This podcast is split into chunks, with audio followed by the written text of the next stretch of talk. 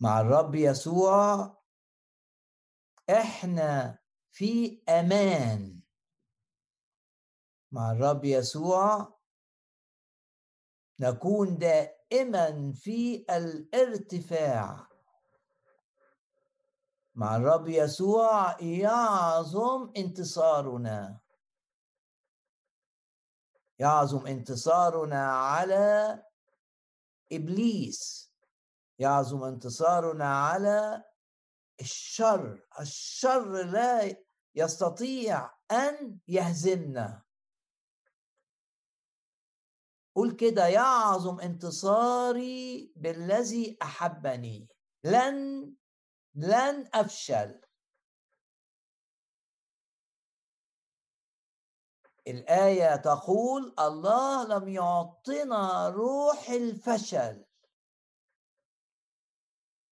وآية تانية تقول إله السماء يعطينا النجاح.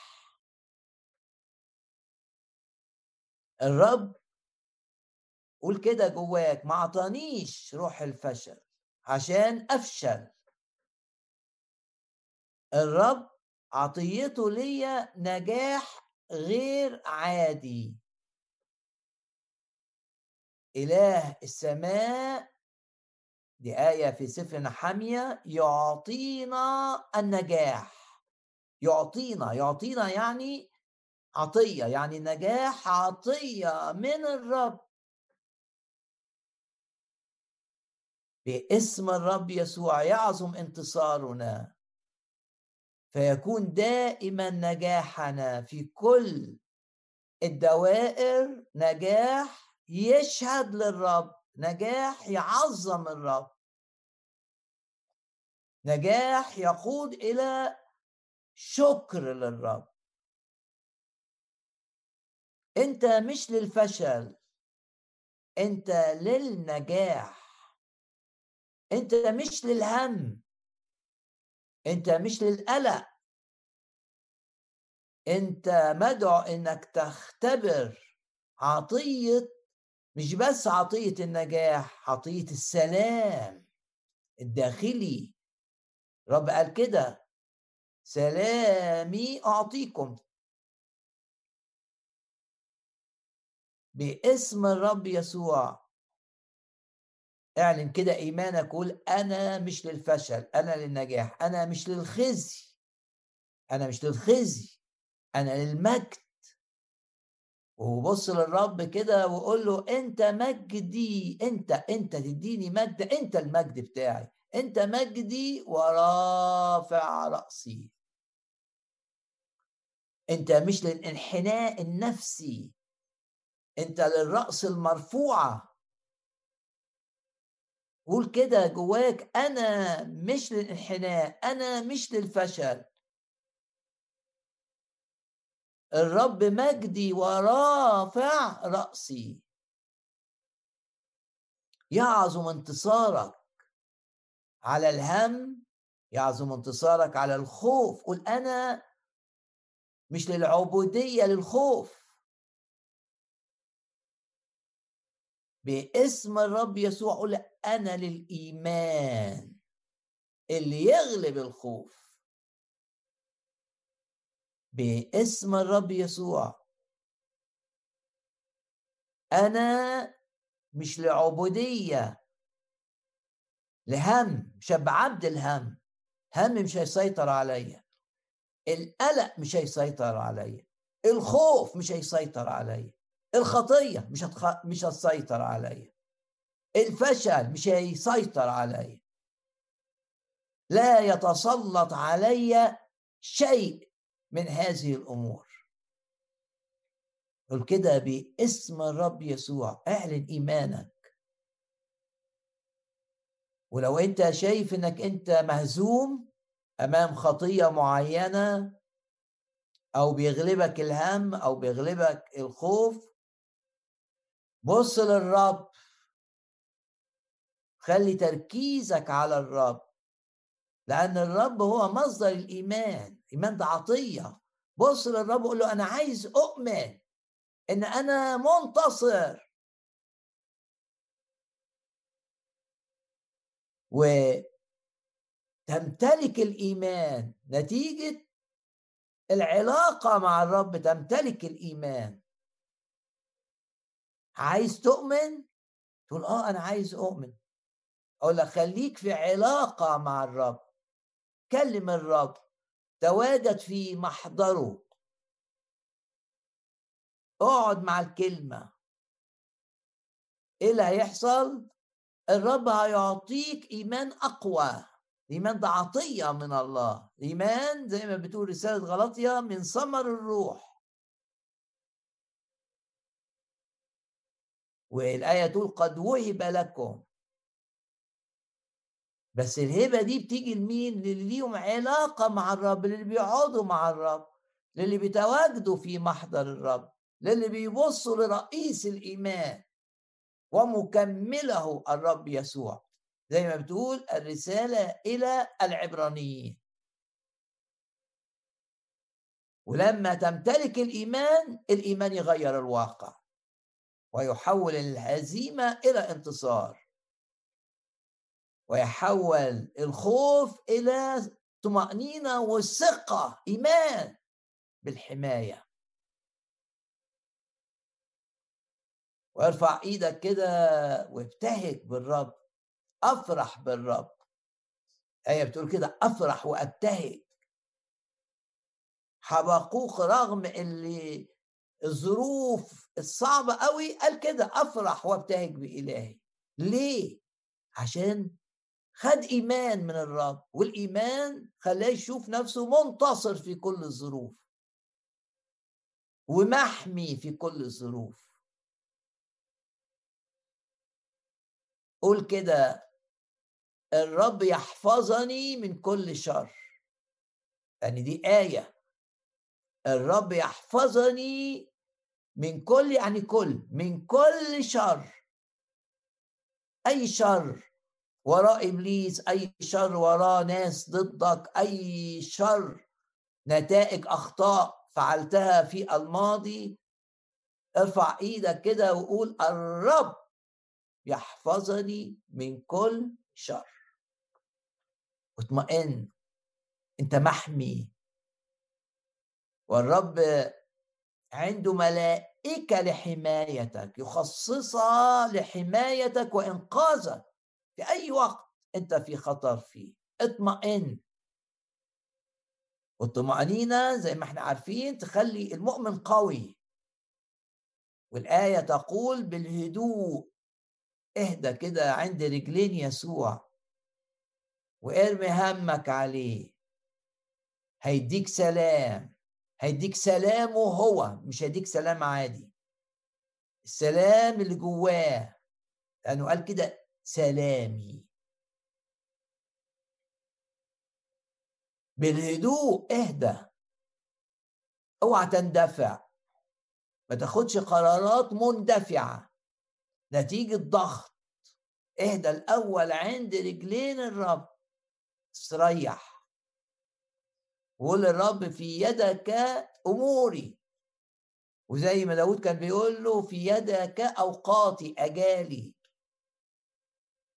كل أموري في إيدك. وأقول للآية من قبل الرب تترتب خطوات. الإنسان من قبل الرب تترتب خطواتي مش هعمل خطوة قبل خطوة وكان الأصول تيجي بعديها. مش هندفع. ههدى والآية تقول بالهدوء والطمأنينة. تكون قوتكم باسم الرب يسوع وإحنا مجتمعين معا باسم الرب يسوع. الروح القدس يشتغل جوانا. يدينا الهدوء. ويدينا طمأنينة. ونكون أقوياء. لأن بالهدوء والطمأنينة تكون قوتكم باسم الرب يسوع. إيمان بالحماية. إيمان. أن الرب سور من نار حولي. يحفظني من كل شر.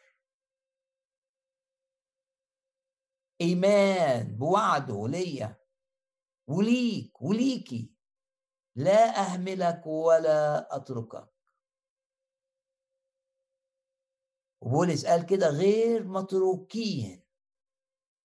أنت مش متساب الرب بيعتني بيك ويحميك حتى من نتائج أخطاء ارتكبتها في الماضي. لأن الرب بيحبك وبيتعامل معانا بالنعمة. والنعمة وراء حب الرب العظيم ليك بيحبك جدا جدا جدا. تقول أنا وحش؟ أقول لك هو بيحب الوحشين عشان يخليهم رائعين. تقول أنا حاسس بالذنب. أقول لك دم الرب يسوع. بص للرب. وثق إن دم الرب يسوع يطهر. يعني مش يغفر بس يطهر. يعني محو كامل يطهر من كل خطية. ونعلن إيماننا معه إن الرب بيكلمنا وبيكلمنا في هذه العظة وبيرسل لكل واحد فينا كلمات خاصة. بنؤمن العظه مليانه كلام علم وكلام نبوة وكلام حكمة والرب يجاوبك. على الحاجات اللي فيها تساؤلات وتعبان من هذه الأسئلة اللي جواك. كل مرة تحضر اجتماع أو تسمع عظة صدق إن الرب بيكلمك وبيجاوبك. شخص حي. وأبدأ معاك آه، بمقارنة بين آيتين.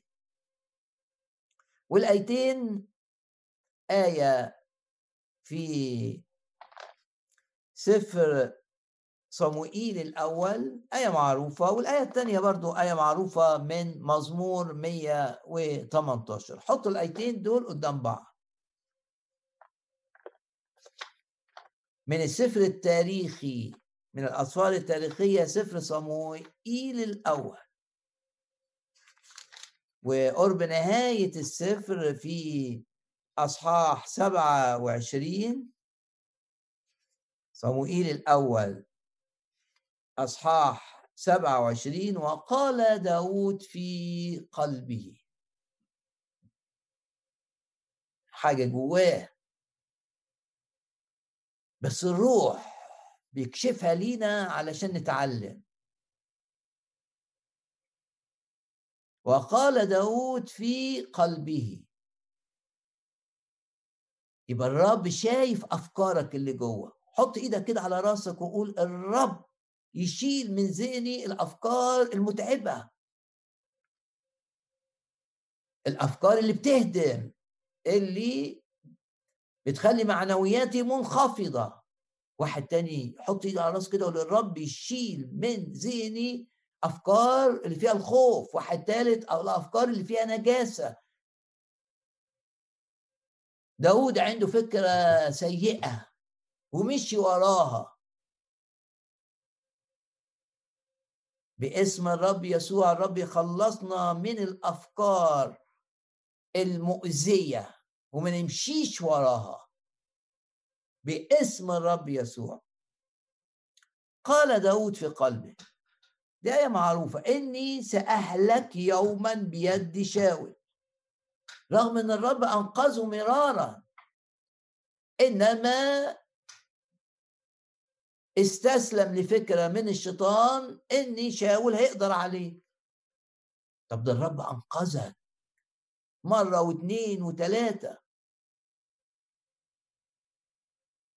إحسانات الرب لازم أذكرها لأنها بترفع الإيمان. واللي أنقذني في الماضي هينقذني في الحاضر زي ما قال بولس. وعنده يقين إن سينقذه أيضا في المستقبل. واللي أحسن إلي في الماضي سيحسن إلي في الحاضر سيحسن إلي في المستقبل. إلى آخر يوم لي على هذه الأرض. أنا بتمتع بإحسانات الرب ويتحكم في كل ظروفي. يتحكم فيا وفي الآخرين وفي الأحداث. ويفتح بيبان ويقفل بيبان. عشان يخلي كل الأشياء تعمل معا لخيري أنت النهارده وبكرة وبعده ولا آخر يوم لي على هذه الأرض.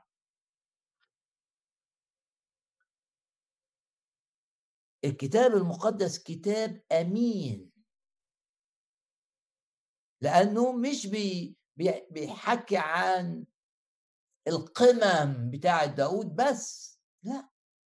يعلمك من القمم بتاعته زي مثلا لما غلب جلياط وما كانش معاه أسلحة وانتصر على عدو شرس ومدجج بالأسلحة. ما بس الكتاب ما بيحكيلكش عن قمم داود فقط بيعلمك كمان لما بيبدأ تحت في القاع زي الآية دي قال داود في قلبه نسي كل إحسانات الرب معاه وإزاي أنقذه أكتر من مرة وبطرق عجيبة. يعني مش صدفة مفيش حد يقول إن دي صدفة لأن باين إن دي إيد الرب. إنما ضعف هنا. وقال داود في قلبه إني سأهلك يوما بيد شاول. ف فكرة جابت فكرة والفكرة التانية مش من الرب ومش وراء فقال إيه بقى؟ فلا شيء خير لي. وده كان أسوأ حاجة عملها داود من أن أفلت إلى أرض الفلسطينيين. يعني أحسن حاجة أن أنا أسيب الظروف اللي أنا فيها دي الصعبة والمغارة والضغوط والتهديدات اللي بتجيلي وشاول بيدور عليا و... بس أنا بمعجزة الرب نجاني منه. يا يقول الكتاب آه هنا إنه اللي كانوا جايين مع شاول عشان آه، لما عرفوا الحتة اللي هو فيها شاول راح الملك اللي كان ضد داود وراحوا معاه 3000 واحد 3000 واحد. ويقول الكتاب إن شاول. والثلاث آلاف واحد لما داود آه، عرف مكان شاول اللي جاي يدور عليه ناموا. ثلاث آلاف. حدش فيهم حس بداود. آه الرب خلاهم ما يشوفوش داود ونومهم.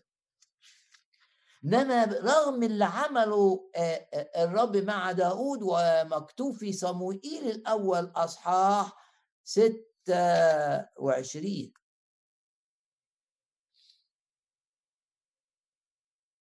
يقول الكتاب كده إن شاول لما بص داود عليه لقيه نايم والتلات آلاف واحد اللي معاه جندي نايمين ما حسوش بداود. إنقاذ داود. ده في أصحاح 26 رغم كده ده آخر إنقاذ في حرب على ذهنه من إبليس.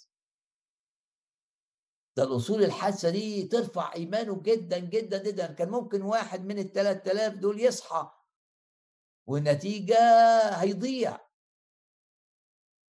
لا شاول حس ولا ال 3000 واحد حسوا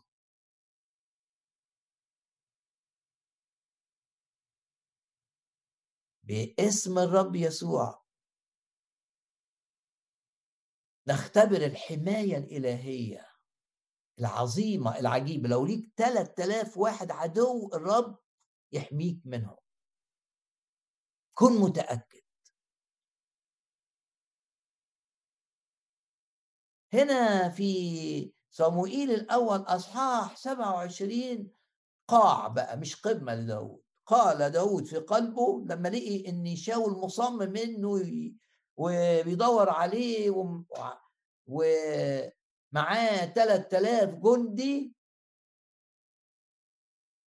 نسي الاختبارات العظيمة اللي جاز فيها والعيان والمنطق البشري تسلط عليه فقال داود في قلبه إني سأهلك يوما بيد شاول فلا شيء خير من أني أفلت إلى يعني أهرب إلى أرض العدو إلى أرض الفلسطينيين. اختيار بشري. والمنطق بتاعه أنا تعبت. تعبت من أنا أقعد هربان في المغارات وشاول يدور عليا. أنا تعبت. والمنطق بتاعي يقول لي طب ما أروح أعمل لجوء في بلد العدو. والمنطق بتاعي يقول لك الوقت لما أروح أعمل لجوء ييأس شاول مني. فلا يفتش علي بعد. فأنجو من يدي. لا ده حل بشري وراء المضلل اللي بيضل آه، مين؟ وراء إبليس. ده حل بشري لأنه مش مسنود بكلمة من الرب. ده هو فكر كده. مش صلى وحس ان الرب عايزه يعمل هذا الأمر. لا. قال داود في قلبي إني إزاي يا داود؟ شاور ها يغلبك ويموتك وأنت واخد وعد إنك هتبقى ملك. ده صموئيل. راح مخصوص عشانك في بيت لح عشان يعلن إنك أنت الملك اللي جاي. إزاي هتموت؟ نسي نسي كل الوعود. قال داود في قلبي إني سأهلك يوما بيد شاول فلا شيء خير لي آه الحل البشري. من أنا أهرب كده إلى أرض العدو. ده أفضل حاجة لا. أفضل حاجة إنك تقعد في المغارة ما دام مشيئة الرب ليك إنك تبقى في هربان في المغارات. أفضل حاجة ليك أنت اللي بتسمعني إيه؟ إنك تبقى في مشيئة الرب مهما كانت. لأن لما تبقى في مشيئة الرب بتتمتع باعتناء الرب والرب يحول كل حاجة بتحصل لخيرك. وما تستلز... لا تستسلم للأفكار اللي من إبليس اللي بتقول لك يحصل لك كذا ويحصل لك كذا ويحصل لك كذا ويحصل لك كذا. داود استسلم لفكرة إنه هيضيع. لفكرة إن شاول هيقضي عليه. لفكرة إن الملك شاول والجنود اللي معاه هيلاقوه يقتلوه. استسلم لهذه الفكرة. وابتدى يفكر يطلع من الحتة دي إزاي. باسم الرب يسوع. لا نسمح لأفكار من إبليس أفكار مخيفة وتوقعات مؤذية لا نسمح لهذه الأمور. وممكن تبقى منطقية المنطق يقول آه ده الملك. مهما هرب داود منه الملك هيوصل ليه والملك ما بيتغيرش. ده مليان آه، بغضة لداود. ومليان غيرة مرة من داود من ساعة ما داود انتصر على جلياد وحاول يقتله كذا مرة. المنطق يقول آه ده واحد معاه كام واحد يعني؟ آه، آه، جم معاه في الهروب بتاعه. 600 إيه ده؟ الملك معاه 3000 آه، مخصصين للقضاء على داود المنطق. لا تسمح للمنطق إن يقودك إلى اتخاذ قرار. مش معنى كده إنك تتجاهل المنطق إنما اركع كده عند رجلين الرب وقول له أنا عايز مشيئتك.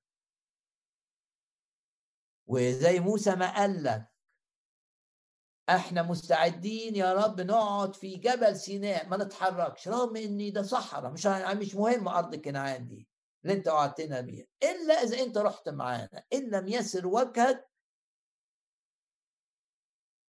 لا تصعدنا منها هنا. يعني إذا وجهك يعني حضورك إذا أنت مش معايا أنا مش عايز أتحرك من مكاني.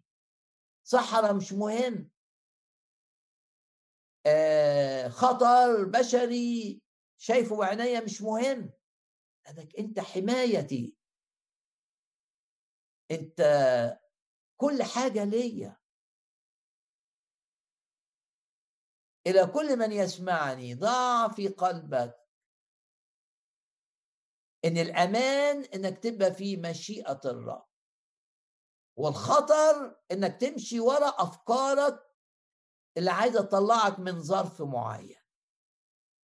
تعال بأفكارك أمام الرب وقول يا رب أنا ضعيف. وضعيف أمام المنطق اللي بيلح عليا. وضعيف أمام هذه الأفكار وبعاني.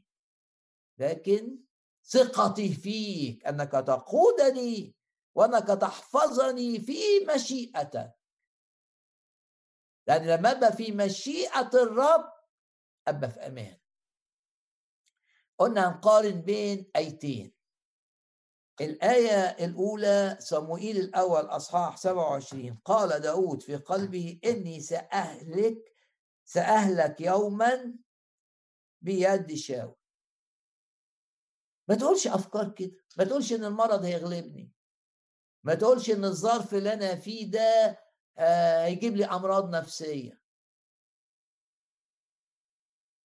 الآية التانية بقى توضح لك تقول إيه. نقارن بين صموئيل الأول أصحاح 27 وأول آية ومزمور 118 وآية رقم 17 شوف داود في في بيقول إيه؟ أنا هموت بيد الشاول شوف هنا بيقول إيه؟ لا أموت بعد. لا أموت. بل أحيا. وأحدث بأعمال الرب رغم إنه كان في ظروف سيئة خطرة جدا. لكن يقول إيه بقى؟ الإحتماء بالرب خير من التوكل على الرؤساء. كل الأمم أحاطوا بي مش مهم أنا معايا اسم الرب باسم الرب أبيدهم. أحاطوا بي واكتنفوني ويعيد ويكرر. باسم الرب أبيدهم. يعني باسم الرب. ده إيمان بقى باسم الرب أنا منتصر. ظروف ظروف صعبة في مزمور 118 أحاطوا بي واكتنفوني أحاطوا بي مثل النحل. يعني شوف كلمة أحاطوا بي في آية عشرة متكررة كم مرة؟ ثلاث مرات. الأعداء أحاطوا بيا. كل الأمم من مختلف النوعيات السيئة.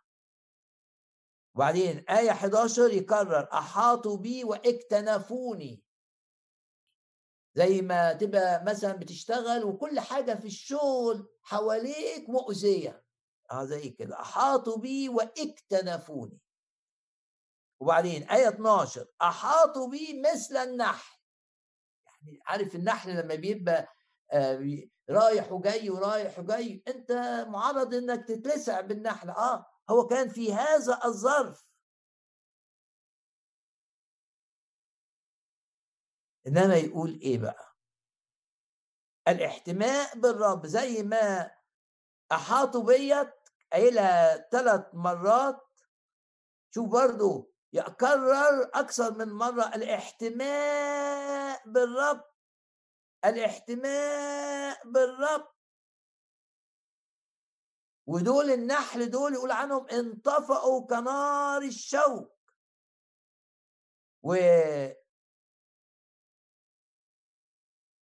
أحاطوا بيه متكررة ثلاث مرات يقول لك باسم الرب تتكرر أيضا. ثلاث مرات باسم الرب أبيدهم في عدد عشرة بآية 11 باسم الرب أبيدهم عدد 12 باسم الرب أبيدهم. أنا مركون مش على حاجة منطقية. ترى وتلمس بالعيان. أنا أنا مسنود على اسم الرب. حاجة إيمانية. إيه النتيجة؟ النتيجة نتيجة إنه ما استسلمش لأفكار الخوف. ابتدى يشوف كل اللي بيحصل له ده الرب بيستخدمه لتهذيبه لتقويمه. قال كده تأديبا أدبني الرب آية 18 وإلى الموت لم يسلمني. شاف إن الأمور دي كلها اللي بتحصل فيها تهذيب ليه تقويم لشخصيته تقوية لإيمانه بتزوده إحساس بالإتضاع. بتخليه يشوف النعمة أكتر ويقول حينما أنا ضعيف فحينئذ أنا قوي. آية 18 يقول لك تأديبا أدبني الرب وإلى الموت لم يسلمني.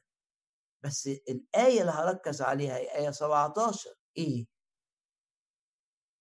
في صموئيل الأول أصحاح 27 هو قال في نفسه أنا هتقتل. شاول هيهلكني شاول هيموتني وعشان كده لازم أن تفكير مندفع. لازم أهرب عشان ما يقدرش يلاقيني. بس يهرب إيه؟ في المكان أسوأ مكان. لأنه ما استشرش الرب. هنا بقى يقول إيه؟ لا أموت. دي صيحة الإيمان. تقول كده بصوت عالي هللويا لا أموت.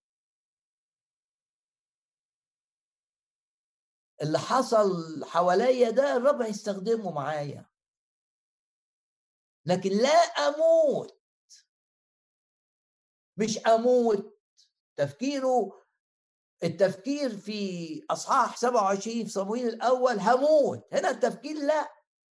هنا التفكير تفكير واحد باصص للرب عارف اسم الرب. عارف إن الرب معاه.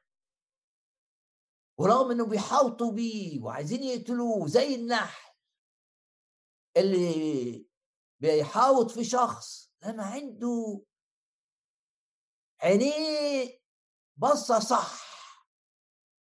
في صموئيل الأول 27 كانت عينيه بصة على الخطر على شاول وبيركز مركز هيعمل كذا ويعمل كذا ويعمل كذا هيعمل كذا. ده وصل لحد الحتة اللي أنا فيها. يبقى هيقتلني هيقتلني. ده كان مركز على الخطر. المرة التانية دي مركز على الرب واسم الرب يقول الاحتماء بالرب. وفي آية ستة يقول إيه؟ الرب لي فلا أخاف. ماذا يصنع بي الإنسان؟ يعني كل دول ما يقدروش عليا. برغم أسلحتهم وبرغم أنهم اقتربوا ليا وبرغم قوتهم المادية. كل ده مش هيأثر عليا عشان أنا الرب لي الرب لي فلا أخاف. عشان كده ده الفرق بقى. المؤمن دايما يقول كده لا أموت الظروف ما تهزمنيش والظروف ما تخلينيش أطلع بره مشيئة الرب. والظروف ما تقدرش تخليني آخد قرارات من نفسي. مهما كانت صعبة أنا محمي بالرب وشايف إن الرب ليه بيستخدم كل ده. يعني هو قال كده قال تأديبا آه الرب سابهم يقربوا ساب عشان بيعذبني عشان بي بي بيشيل مني عيوب معينة بيوريني ضعفاتي عشان أعتمد عليه. بيخليني آه، أقول حينما أنا ضعيف فحينئذ أنا قوي. عايز الرب يحميني عندي حتة فيها كبرياء عايز يشيلها بالطريقة دي إن أنا أحس إن أنا عاجز. بس بالرب أنا مش عاجز. تأديبا أدبني الرب. وإلى الموت لم يسلمني. لا أموت بل أحيا. قول كده لا أموت بل أحيا. قول كده الظروف مش هتفقدني سلامي. الظروف مش هتفقدني طمأنينتي. الظروف مش هتخليني أعمل زي داود في صموئيل 27 وأندفع في قرارات ما خدتش فيها رأي الرب. أنا هقول كده بإيمان. لا أموت بل أحيا. باسم الرب يسوع لكل شخص مضغوط. اعلن إيمانك إن اللي جاي أفضل بكثير من اللي فات تقول لي مش ممكن. المنطق يقول اللي جاي لا ماليش دعوة بالمنطق. ثق في الرب.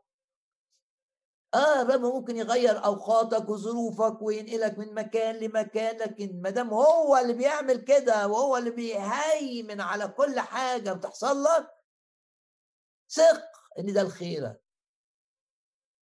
وثق إن الأيام الجاية هتبقى أعظم من أي أيام جزت فيها. لا أموت. أنا معايا الرب. العيان بيقول لي هموت بس أنا مش تبع العيان أنا تبع من أحبني. تبع اللي مات عشاني. تبع اللي غسلني بالدم. تبع اللي بيتعامل معايا بنعمة ونعمة بغنى.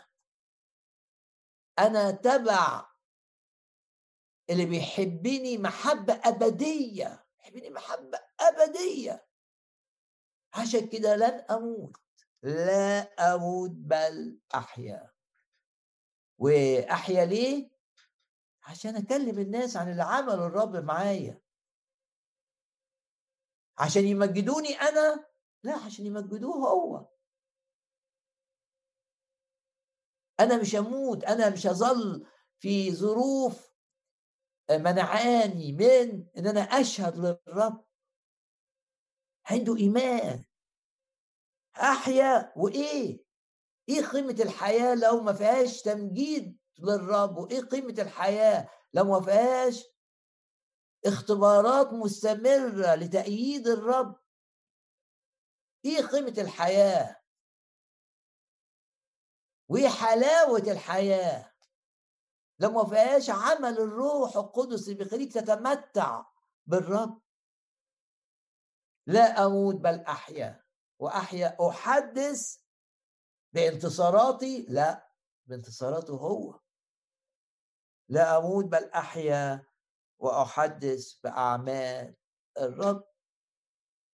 وشاف بقى كل اللي حواليه من متاعب إنها في إيد الرب مستخدمة لخيره. باسم الرب يسوع. زي ما بولس كده شاف إن الشوكة اللي بعتها اللي اللطمات بتاعت الشيطان ليه. مش هو بيقول كده في الاختبار بتاعه في رسالة كورنثوس الثانية؟ إن ملاك الشيطان أو الرسول الشيطان يلطمني لطم لكن شاف إيه؟ شاف قعد يصلي إن اللطم ده يقف. قعد يصلي إن الشوكة دي تنتهي. الرب قال له لا أنا متحكم في الشوكة عشان أنت محتاج للظروف الصعبة دي. قال له عشان ما تتكبرش من كثرة الإعلانات والرؤى اللي خدتها وإنك عشان ما يحصلكش. الرب أدرى بينا عارف إن ممكن حتة غلط تطلع فينا عناد غلط يبان فينا. حاجة تطلع من الطبيعة القديمة تظهر كبرياء زي بولس كده يقول لك لألا أرتفع الرب عمل إيه؟ تحكم في اللي بيعمله الشيطان. عشان الشوكة تحسس بولس واللطم بالضعف في هذه الظروف فتحميه من الكبرياء. رب حكيم جدا.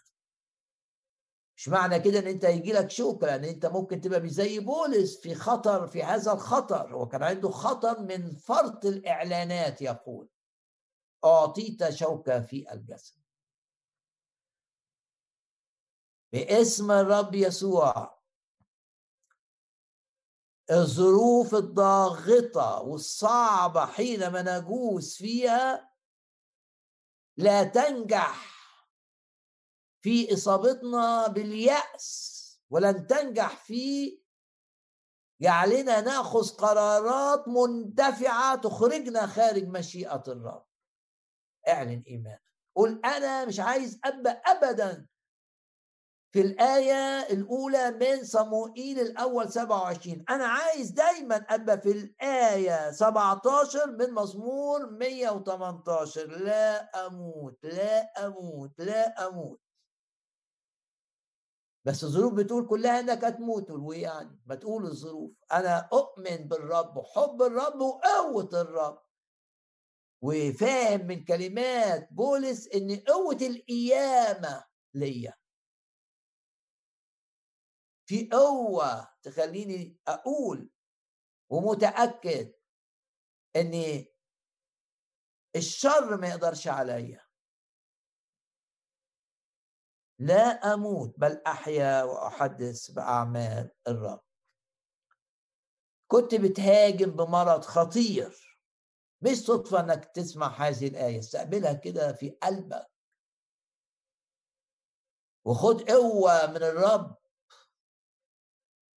واعلن إن قوة القيامة ليك.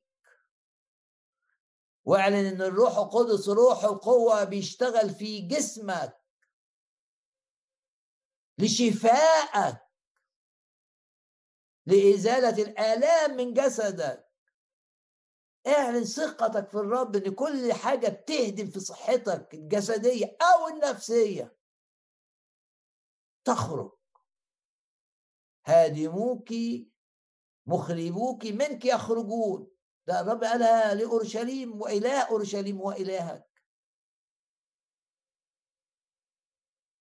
لكل شخص مريض ضع يدك على مكان المرض.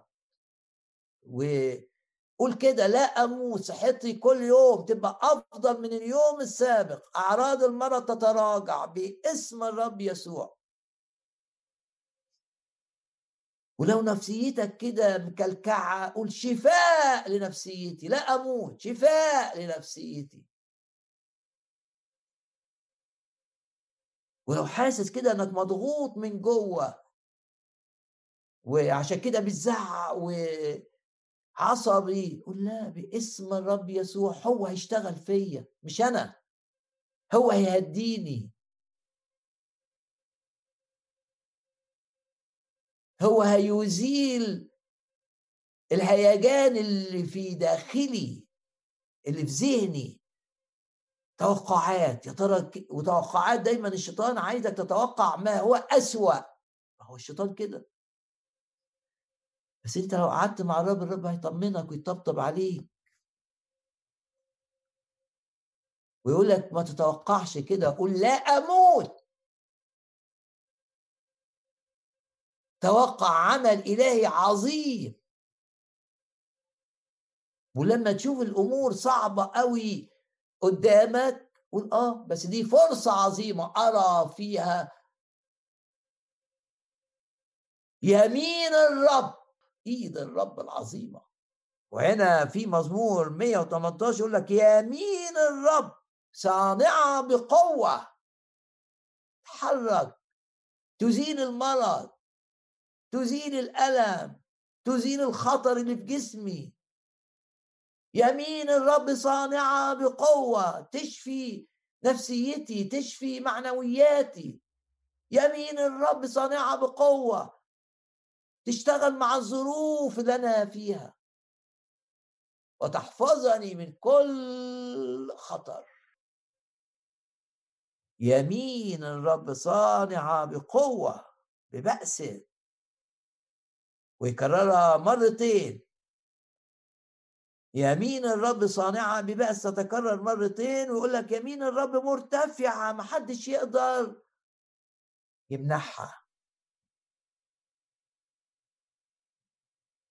باسم الرب يسوع.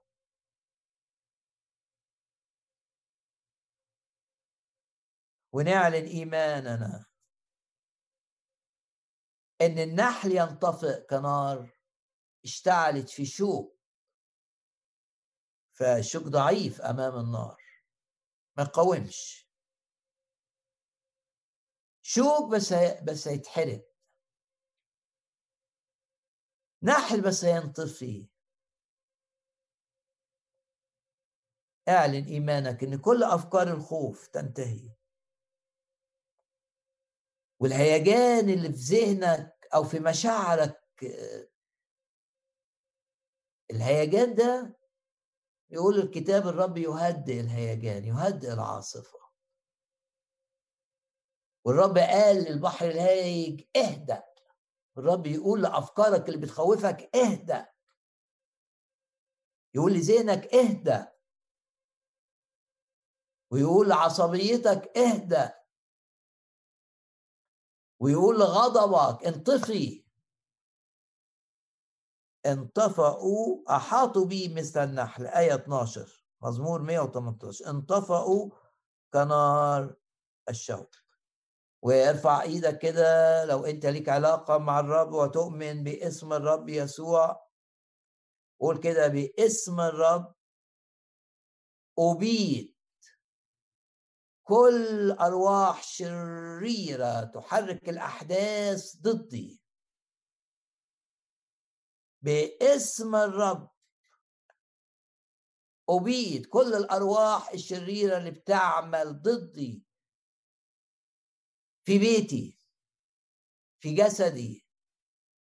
كل أرواح شريرة بتعمل في دائرة الصحة الجسد في دائرة المشاعر.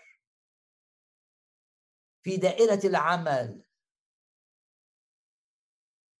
كل أرواح شريرة بتشتغل. باسم الرب يسوع أبيد هذه الأرواح الشريرة. دي سلطان أنا أدوس عليها زي ما أدوس على عقربها وتموتها. لينا سلطان أن ندوس على الحيات والعقارب. وكل قوة العدو. باسم الرب. أبيد هذه الأرواح الشريرة. وإذا في مزمور 118 باسم الرب تتكرر ثلاث مرات أنت ارفع إيدك الوقت تقول باسم الرب ابيد أرواح الخوف باسم الرب ابيد أرواح النجاسة اللي بتحاربني باسم الرب ابيد أرواح ال...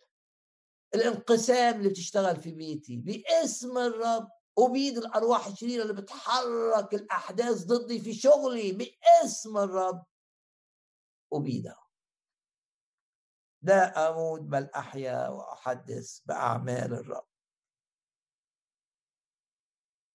مهما كانت الضغوط قول أنا متطلع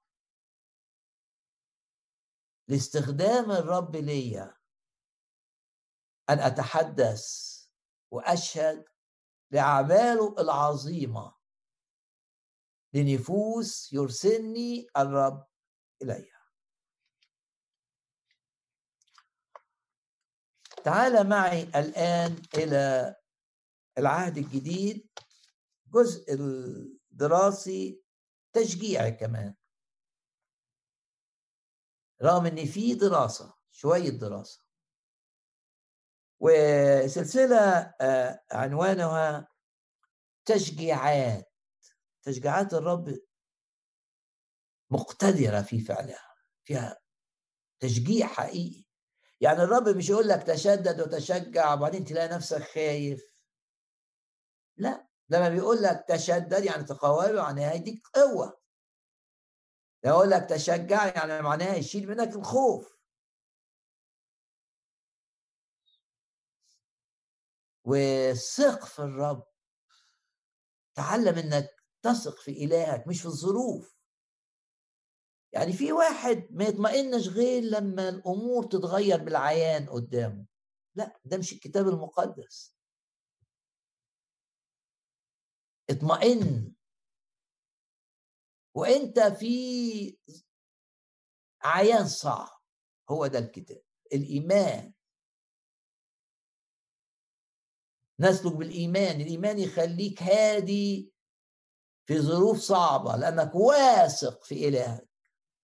في واحد مش هيهدى غير لما يلاقي ظروف صعبة انتهت. لا ده مش الكتاب. لأن بدون إيمان لا يمكن إرضاء الرب. ولو أنت من النوع اللي ما تطمئنش غير لما تقارير طبية تيجي ولما مش عارف إيه يحصل ولما نتيجة الامتحان تبان. يعني كل سلامك مرتبط بأحداث تحصل. لا أنت لازم تعرف إن مش ده الكتاب. الكتاب تطمئن. اقرأ عبرانيين 11 وتتملي بالسلام. وتبقى واثق. رغم إن الظروف ما اتغيرتش بس تبقى واثق إنك في أمان. ومتوقع. الكارثة؟ لا. متوقع مفاجآت الرب السارة الحلوة؟ مؤمن يعيش كده متوقع كل حاجة الجافي ده هيطلع منه حلاوة. متأكد متأكد. مش هيستنى لما آه يجي له خبر ويسمع مش عارف. لا لا لا هو متأكد عارف إلهه. تمسك بوعود الرب فعارف إن جافي ده يطلع منه حلاوة فمرتاح. ولما حتى الأمور في العيان تسوء هو الروح القدس يرفعه كده ويخليه متأكد. والإيمان اللي جوه الشخص ده هو الضمان ليه اللي جاي. باسم الرب يسوع. وممكن أعمل مقارنة سريعة بين العهد القديم والعهد الجديد. في التسبيح مثلا. يعني في العهد القديم موسى ومعاه مريم والشعب سبحوا الرب بعد ما طلعوا من الضيقة وشافوا فرعون وجنوده في أعماق البحر. طيب في العهد الجديد إيه اللي حصل؟ تقرأ إن الرب يسوع سبح مع الرسل. ال11 لأن يهوذا طلع من العليه سبحوا قبل ما ي... مش بعد ما القيامة. لا ده سبح وهو رايح الصليب. عشان واثق في الانتصار. عشان واثق في القيامة. في العهد القديم سبحوا بعد. طب في العهد الجديد الإيمان بقى. خليك تشوف الحاجة قبل ما تحصل. وتسبح الرب في أصعب الظروف. مش مستني لما الظروف تصل. ليه؟ لأنك شايف اللي جاي. عارف إلهك. إن بكرة معاه أفضل من النهارده بكتير. وإن معاه بنمشي من قوة إلى قوة بنتغير من مجد إلى مجد. ومعاه في كل حاجة تعمل لخيري والجاف يطلع منه حلاوة والوحش اللي جاي يكوني ده مرض حاجة مزعجة. لا الرب يخليه إيه؟ يخليه يكوني لا يخليه يخدمني قدم لي طعام حلو. تشجيعات كثيرة لنا في كلمة الرب. وقلنا اني في المرات اللي فاتت اني تشجيعات من رسائل السجن اني في أربع رسائل جزء ثمين جدا من الوحي. اوعى تهمل الوحي اوعى تهمل الكتاب المقدس. اعتمد عليه. هو ده مش الأخبار بتاعت العالم اللي دايما كلها إزعاج وكلها توقعات لكوارث وكلها لا لا لا من عندي كلمة الرب قولوا للصديق خير. كلمة الرب إني أسمع ما يقوله الرب. لأنه يتكلم بالسلام بالأمان. كلمة السلام هنا تعني أيضا الأمان والازدهار لأن الرب بيسدد الاحتياجات تقول احتياجاتي مش مسددة أقول لك اشكر الرب الآن لأنه سيسدد الاحتياج. مكتوب الرب رعي فلا يعوزني شيء. طب ده أنا بيقولوا لي هتقابل كذا ومش عارف في إيه وفي. إذا سرت في وادي ظل الموت لا أخاف شرا لأنك أنت معي أنت معي. خير ورحمة يتبعانني كل أيام حياتي بزي أتوقع الكوارث. أنا عندي اله يطمني بس ده اختبار حاجة تختبر. اقعد مع الرب كده والرب يهديك ويديك إنك تطمئن.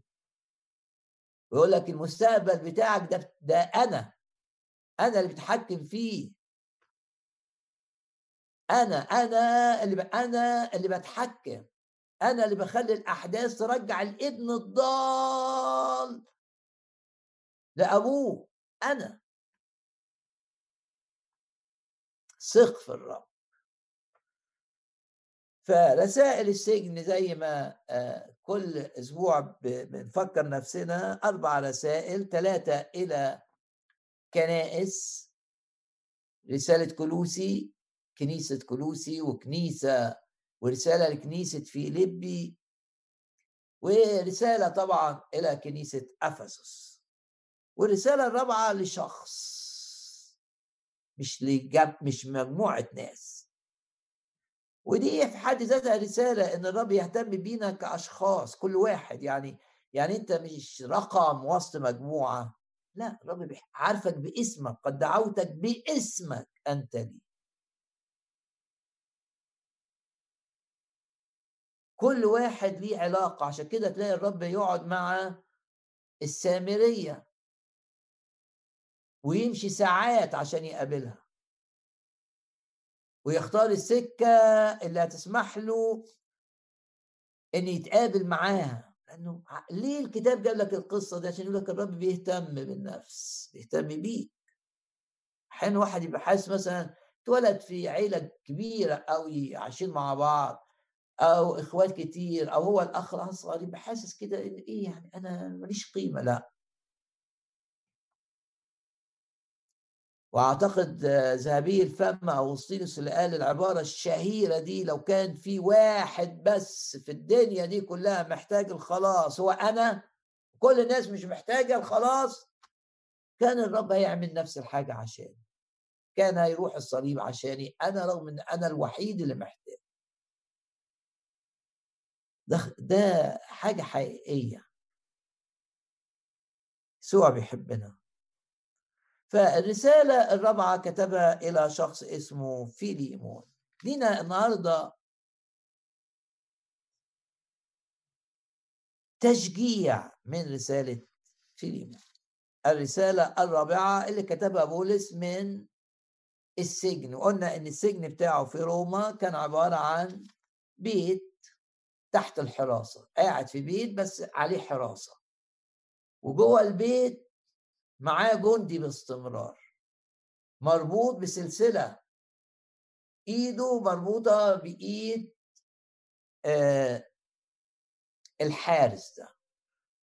وبفكرك ان آه آه لأن الرب أيده في وهو جاي كأسير من قيصرية إلى روما أيده قدام قائد المئة وقدام الناس عشان كده التأييد الإلهي اللي شافوه خلوه خلوهم يتعاملوا معاه بطريقة آه بدل ما تتسجن مع كل المساجين تتسجن برضه بس لا في حاجة أريح. وطبعا الحاجة الأريح دي سمحت له بالكرازة. تقعد في بيت بس على حسابك وإحنا نحمي نحرسك مش هتقدر تروح هنا ولا هنا وتقدر تتحرك هنا ولا هنا. ومعاك دايما واحد من الحراس. مربوطة إيده بإيدك. سلسلة في إيد بولس وهو في هذا البيت تحت الحراسة. من هنا من المكان ده كتب الأربع رسائل اللي مليانين مليانين مليانين مليانين تشجيع وتشجيع حقيقي. أنا وأنا بقرأ الرسالة الروح القدس بيشتغل فيا. يقول لي الآية دي ليك. ده ده مش كلام جرايد. ولا حتى كلام فلاسفة ولا كلام علم ده علماء ده كلام الرب. ده تشجيع حقيقي. ونرفع ايدينا كده ونعلن إيماننا أن إلهنا هو إله كل تشجيع. رب يرفع معنوياتك جدا ما تخافش. أنا أسير أمامك. الرب بيقول والهضاب أمهل. إيه الهضبة دي والهضبة قدامك هضبة ضخمة لكن قدام الرب كلا شيء. يقول لك أجعل الهضاب دي طريق. أجعل الجبال بتاعتك دي خدتها أنا الرب يقول وأجعلها سهل طريق. أجعل كل جبالي طريقا. وعد عظيم جدا. جبالك الرب في إيد تسلمها للرب تبقى جبال الرب والرب يتحكم فيها ويحولها إلى من حاجة معطلة وعائقة ومخوفة حاجة بتخوف لحاجة مريحة. ده الرب إيه التشجيع اللي لينا في آه النهارده في الرسالة الرابعة رسالة آه فيليمون؟ في الواقع آه أكثر من تشجيع. هي رسالة من أصحاح واحد. وتأتي آه في الكتاب المقدس قبل الرسالة إلى العبرانيين. رسالة مشجعة جدا. وبفكركم إن قصة الرسالة دي عجيبة جدا. فيليمون ده راجل مؤمن وغني. يعني ملكوت الله مش للفقراء بس أو ملكوت الله أيضا للأغنياء. ومن هؤلاء كان فيليمون. و اولا عرفنا إزاي إنه غني؟ لأنه عنده عبد بيشتغل عنده. فده واحد اشتراه من السوق بتاع العبيد اللي كان موجود في ذلك الوقت. وبعدين عرف الرب فيليمون عرف الرب قبل الخلاص. ما حدش كان هيقدر يغسله من خطاياه إلا دم يسوع. فيش ضامن ليه إنه يروح السماء غير الاحتمال بكفارة الرب يسوع إنه مات تتحمل العقاب عشان أنا ما اتعاقبش تعذب عشان أنا ما اتعذبش عشان يبقى ليا حياة أبدية. يبقى التشجيع هنا في عائلة فيليمون الغنية. وفي الرسالة دي بولس يقول له إيه؟ وإلى الكنيسة التي في بيتك. يعني بيته عملوا كنيسة. في الوقت ده ما كانوش بيبنوا كنايس. ما كانش فيه. إنما في بيت كبير يعملوا الاجتماعات. الكنيسة التي في بيتك. حاجة مشجعة. إن إمكانياتك تبقى لخدمة الملك الملك الحقيقي يسوع. وإن بيتك يبقى مستخدم للرب. وإن فلوسك تبقى للرب. يقول له إلى الكنيسة التي في بيتك. بولس بعت له ويقول له أنا أسير يسوع المسيح. ومعايا وأنا بكتب الرسالة كان مسموح لبولس إن يجي له في الأوضة دي المسجون فيها أي حد. فكان دايما حد من التلاميذ بتوعته معاه زي تيموساوس مثلا وتيموساوس الأخ في الافتتاحية. وأسير يسوع المسيح ما أقدرش أطلع أعمل كرازة في المجامع اليهودية كان في أكتر من مجمع في روما. وكان مسموح لأي شخص يهودي إنه يتكلم وهو يهودي. لا مسجون. بس الناس كانت بتجيله. ولو أنت خادم ما تقدرش تروح للناس لأي سبب. الرب هيبعت الناس ليك. كلمة الرب من خلالك لم تقيد. قول هللويا. فبولس وتيموساوس تيموساوس معاه وهو بيكتب هذه الرسالة. يقول إلى فيليمون المحبوب والعامل معنا وإلى اريفيه المحبوبة. يا يعني ده آه، زوجته كمان مذكورة بالاسم. عيلة تشجيع. آمن إن كل فرد من أفراد أسرتك يعرف الرب. معرفة حقيقية. لو بتصلي من أجل أولادك من أجل صحتهم من أجل نجاحهم عندهم امتحان حلو بس صلي أكتر وبتركيز من أجل إنهم يبقوا خدام للرب. مش بس يعرفوا الرب لو كانوش عارفين يبقوا خدام للرب. ركز. ركز. ركز على المهم الأهم.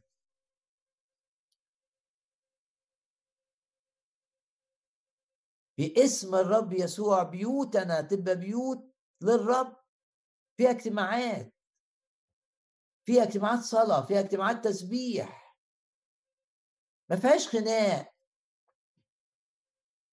فيها حضور للرب واضح. بيوتنا تبقى مدينة ملجأ للناس. تيجي تيجي ترتاح. هنا فيليمون وأبيفية. فيليمون المحبوب وأبيفية المحبوبة والكنيسة ببيتهم وبعدين في واحد تاني معاهم. يقول لك وأرخبس المتجند معنا. يعني جندي بقى ليسوع. ده ده لا يرتبك بأمور الحياة. أمور الحياة ما بتعملوش ارتباك عشان مركز في الخدمة. في الجيش اللي فيه بولس جيش الرب ومن تجند لا يرتبك بأمور الحياة. زي ما بيقول آه، بولس لتيموساوس اشترك في احتمال المشقات كجندي جندي جندي. والجندي ما يرتبكش بأمور الدنيا. ليه؟ لأنه في الحرب. وهنا آه، أنا مع اللي بيميلوا إن أرخيبوس ده ابنهم. ابن فيليمون وابن أبيفية. ابنهم طلع خادم للرب. ده من عائلة غنية مش محتاج. يعني عنده كل حاجة بس ضحى. من أجل أن يخدم يسوع. تشجيع. إنك تشوف عمل الرب الواضح القوي في ناس ظروفها الطبيعية كويسة لكن تلاقيهم يضحوا عشان يسوع ويسافروا علشان الرب يسوع. والعيلة تقدم أولادها لخدمة الرب يسوع. حتى لو يعيشوا حياة أقل من اللي هم عايشينها مش مهم ما دام ده من أجل خدمة الرب. تشجيع. واحيانا واحد يسمعني يقول لي ده زي ده مش ممكن يحصل مع أولادي. ليه مش ممكن يحصل؟ ما تمتلئ بالإيمان. إن زي ما قلت اللي يرجع الابن الضال يرجع أولادك. ويعمل معاهم بقوة. ويبقوا جنود للرب. نمرة واحد في حياتهم ملكوت الرب مش نمرة واحد بقى الألعاب والحاجات دي. آه تقول لي ده سنهم؟ أقول لك آه بس في السن ده. صلي انهم يتلمسوا بالرب فيبقى آه يلعبوا بس قبل في حاجة واكلة قلبهم. عايزين يجيبوا ناس ليسوع. في حاجة واكلة قلبهم. عايزين يوصلوا الكرازة. عايزين يصلوا مع بعض. عشان قوى الجحيم اللي بتتحرك في الدنيا دي تقف وتنهزم. والناس كتير تعرف الرب ده يبقى اشتياقك من أجل أولادك. وده يبان فين بقى لما بتصلي؟ شوف أنت بتصلي من أجل أولادك إزاي. والكنيسة التي في بيتك تشجيع ان من رسالة السجن شفت بيت رائع للرب عندهم فلوس؟ آه بس فلوس. خد واخدينها من إيد الرب في عند رجليهم. ويقولوا له أنت عطيت ليك لمجدك من يدك بنديك ومش بيدوا فلوس عطوا ابنهم. أن يكون جنديا. باسم الرب يسوع. لو حد بيسمعني بيفكر في الارتباط يفكر في الارتباط وهو في مخه إنه الرب هيجع هيخليه يرتبط عشان بيته يبقى كنيسة للرب. عشان يطلع خدام للرب عشان يطلع جنود للرب. كل حاجة في حياتنا تبقى لمجده. لمجد من أحبني من أسلم نفسه لأجلي. باسم الرب يسوع لكل شخص بيفكر في الارتباط. يقول يا رب أنا مش عايز أرتبط ارتباط عادي. عايز أرتبط ارتباط يساهم في امتداد ملكوتك وإن في ناس تعرفك. عايزين نصلي كده إن بيوتنا تبقى كنايس. والرب يملانا في البيت بالروح القدس. ومواهب الروح تبان لجذب النفوس ليسوع. باسم الرب يسوع. إلى فيليمون الزوج العامل معنا وإلى بفية الزوجة وأرخبس المتجند معنا. وإلى الكنيسة التي في بيتك. واقرا لك آية 22 هي الرسالة من أصح واحد لكن مليانة تشجيع. بولس يقول له في آية 22 إيه؟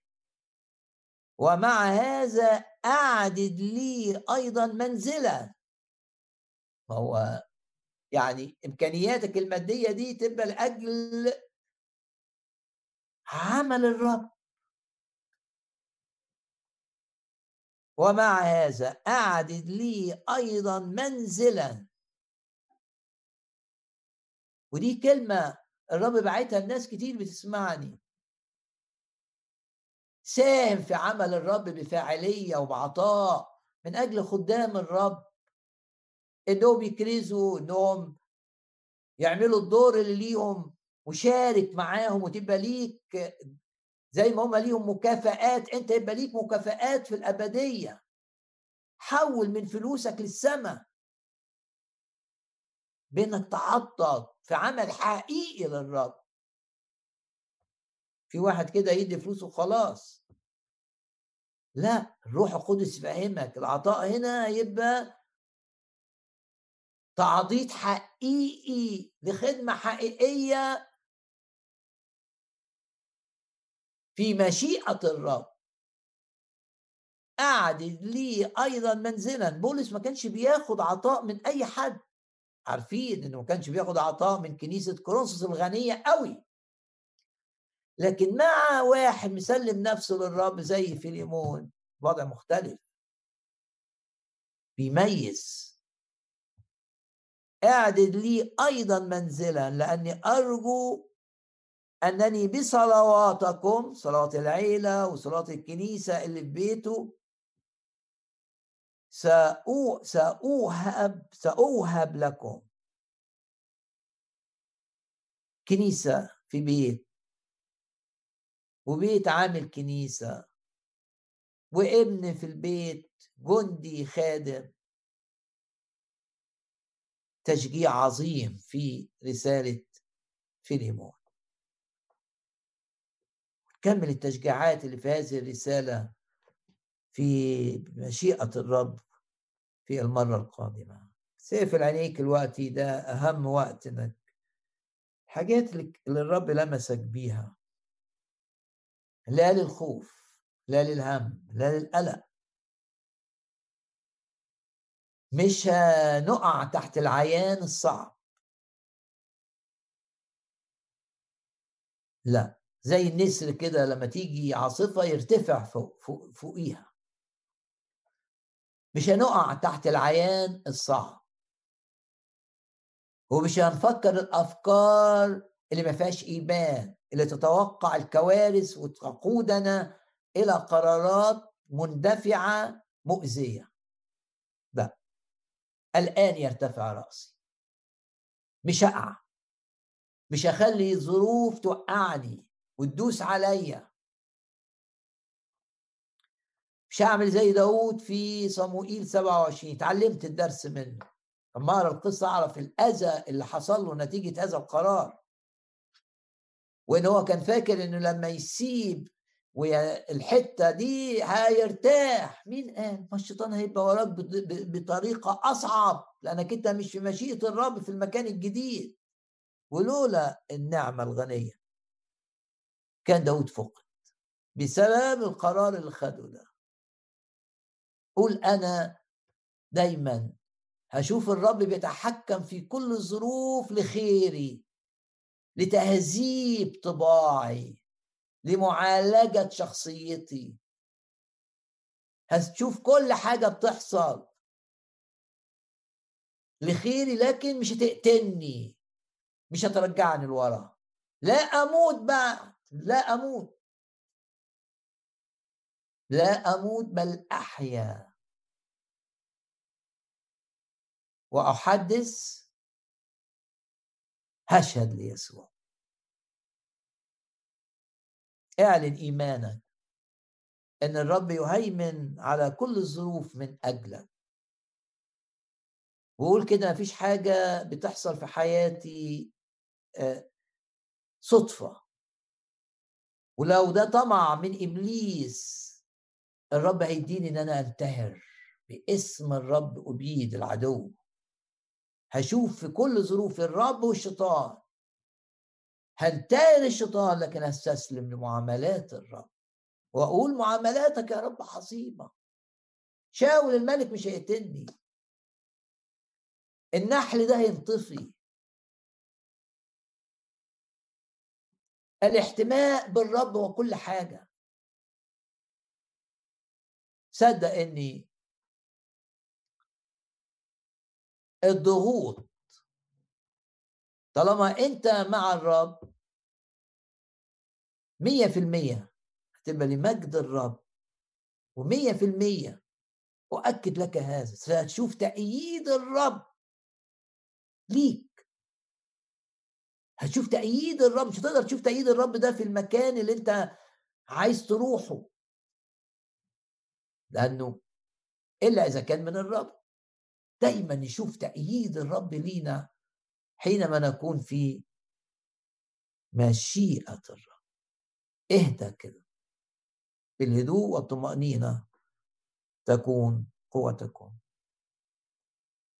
لو أنت ما عرفتش الرب يسوع الرب بيحبك قوي قوي قوي لو ما عرفتوش المعرفة اللي فيها اختبار اللي فيها تلذذ اللي فيها تمتع هو مات عشانك.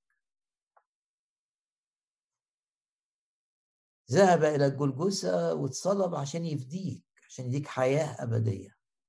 هو بيقول لك تعال إلي. هديك الراحة. هديك السلام. هديك الانتصار. هديك النجاح. تعالوا إلي وأنا أريحكم. والرب بيقول لك من يقبل إلي لا لا.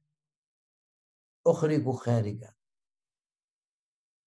قل للرب أنا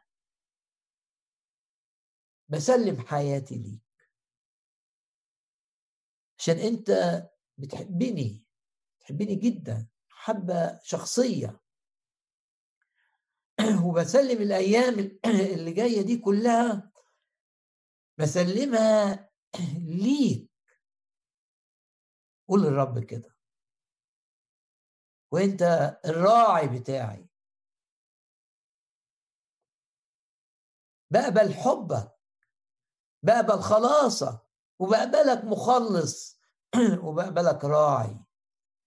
ترعى ترعاني في كل ظروفي تضمن ليا بكرة.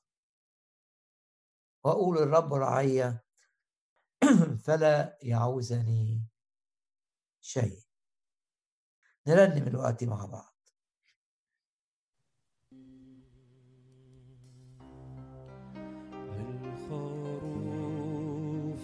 بركه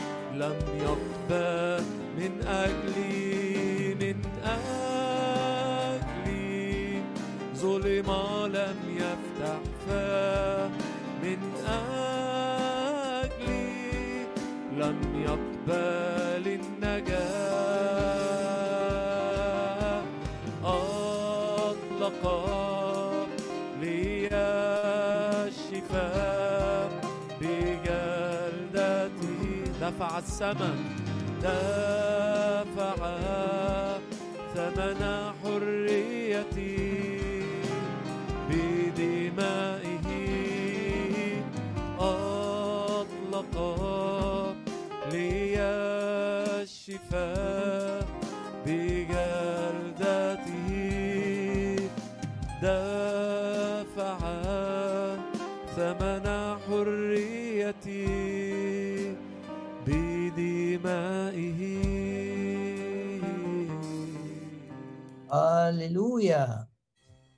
رب أطلق لينا الشفاء بجلدته. شوفينا. شفاء للأجساد المريضة شفاء للمشاعر المجروحة. باسم الرب يسوع. شفاء للعلاقات بين المؤمنين. باسم الرب يسوع. شفاء من الخوف شفاء من الحزن. حرية من النجاسة حرية حقيقية من القلق. يعظم انتصارنا بالذي أحبنا. يا رب أشكرك لأنك تسير أمامنا. تفتح أبواب. لا يستطيع إبليس أن يغلقها. وتقفل البيبان اللي جاي منها الخداع والأذى ولا يستطيع أحد أن يفتحها. تستخدم الملائكة لحمايتنا والتاثير على الأحداث والأشخاص. من أجل أن نكون في مشيئتك مستخدمين بقوة لامتداد ملكوتك. نباركك أيها الرب ونعظمك نشكرك. تجدد كالنسر شبابنا. تجدد كالنسر شبابنا. ومن طول الأيام تشبعنا. ترسل ترسل هيبتك أمامنا. وكل آلة صورت ضدنا. لا تنجح لا تنجح لا تنجح.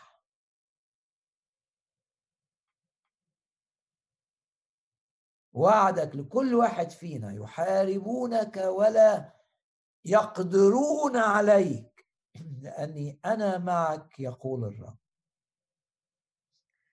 تسدد يا رب كل احتياجاتنا بحسب غناك في المجد. وتحول اللعنة أي لعنة جاية علينا إلى بركة.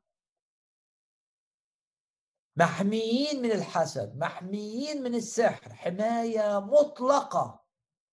لا لعنات على حياتنا بل بركات.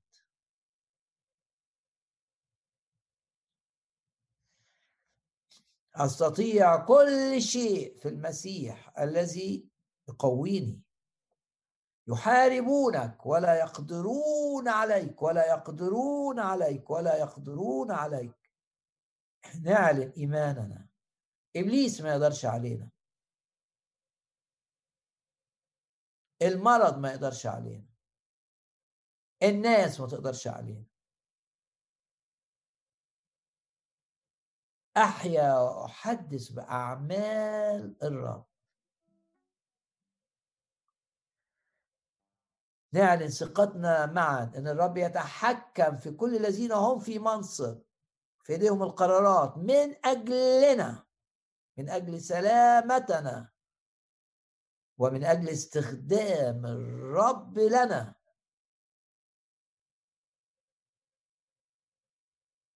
باسم الرب يسوع. معلنين قوة الدم السمين تجاه أعدائنا تجاه إبليس. معلنين قوة الدم مرعبين للشيطان.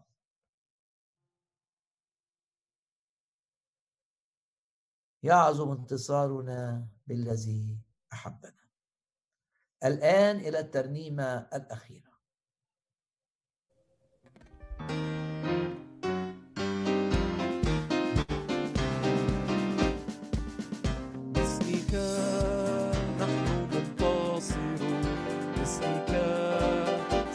يسحق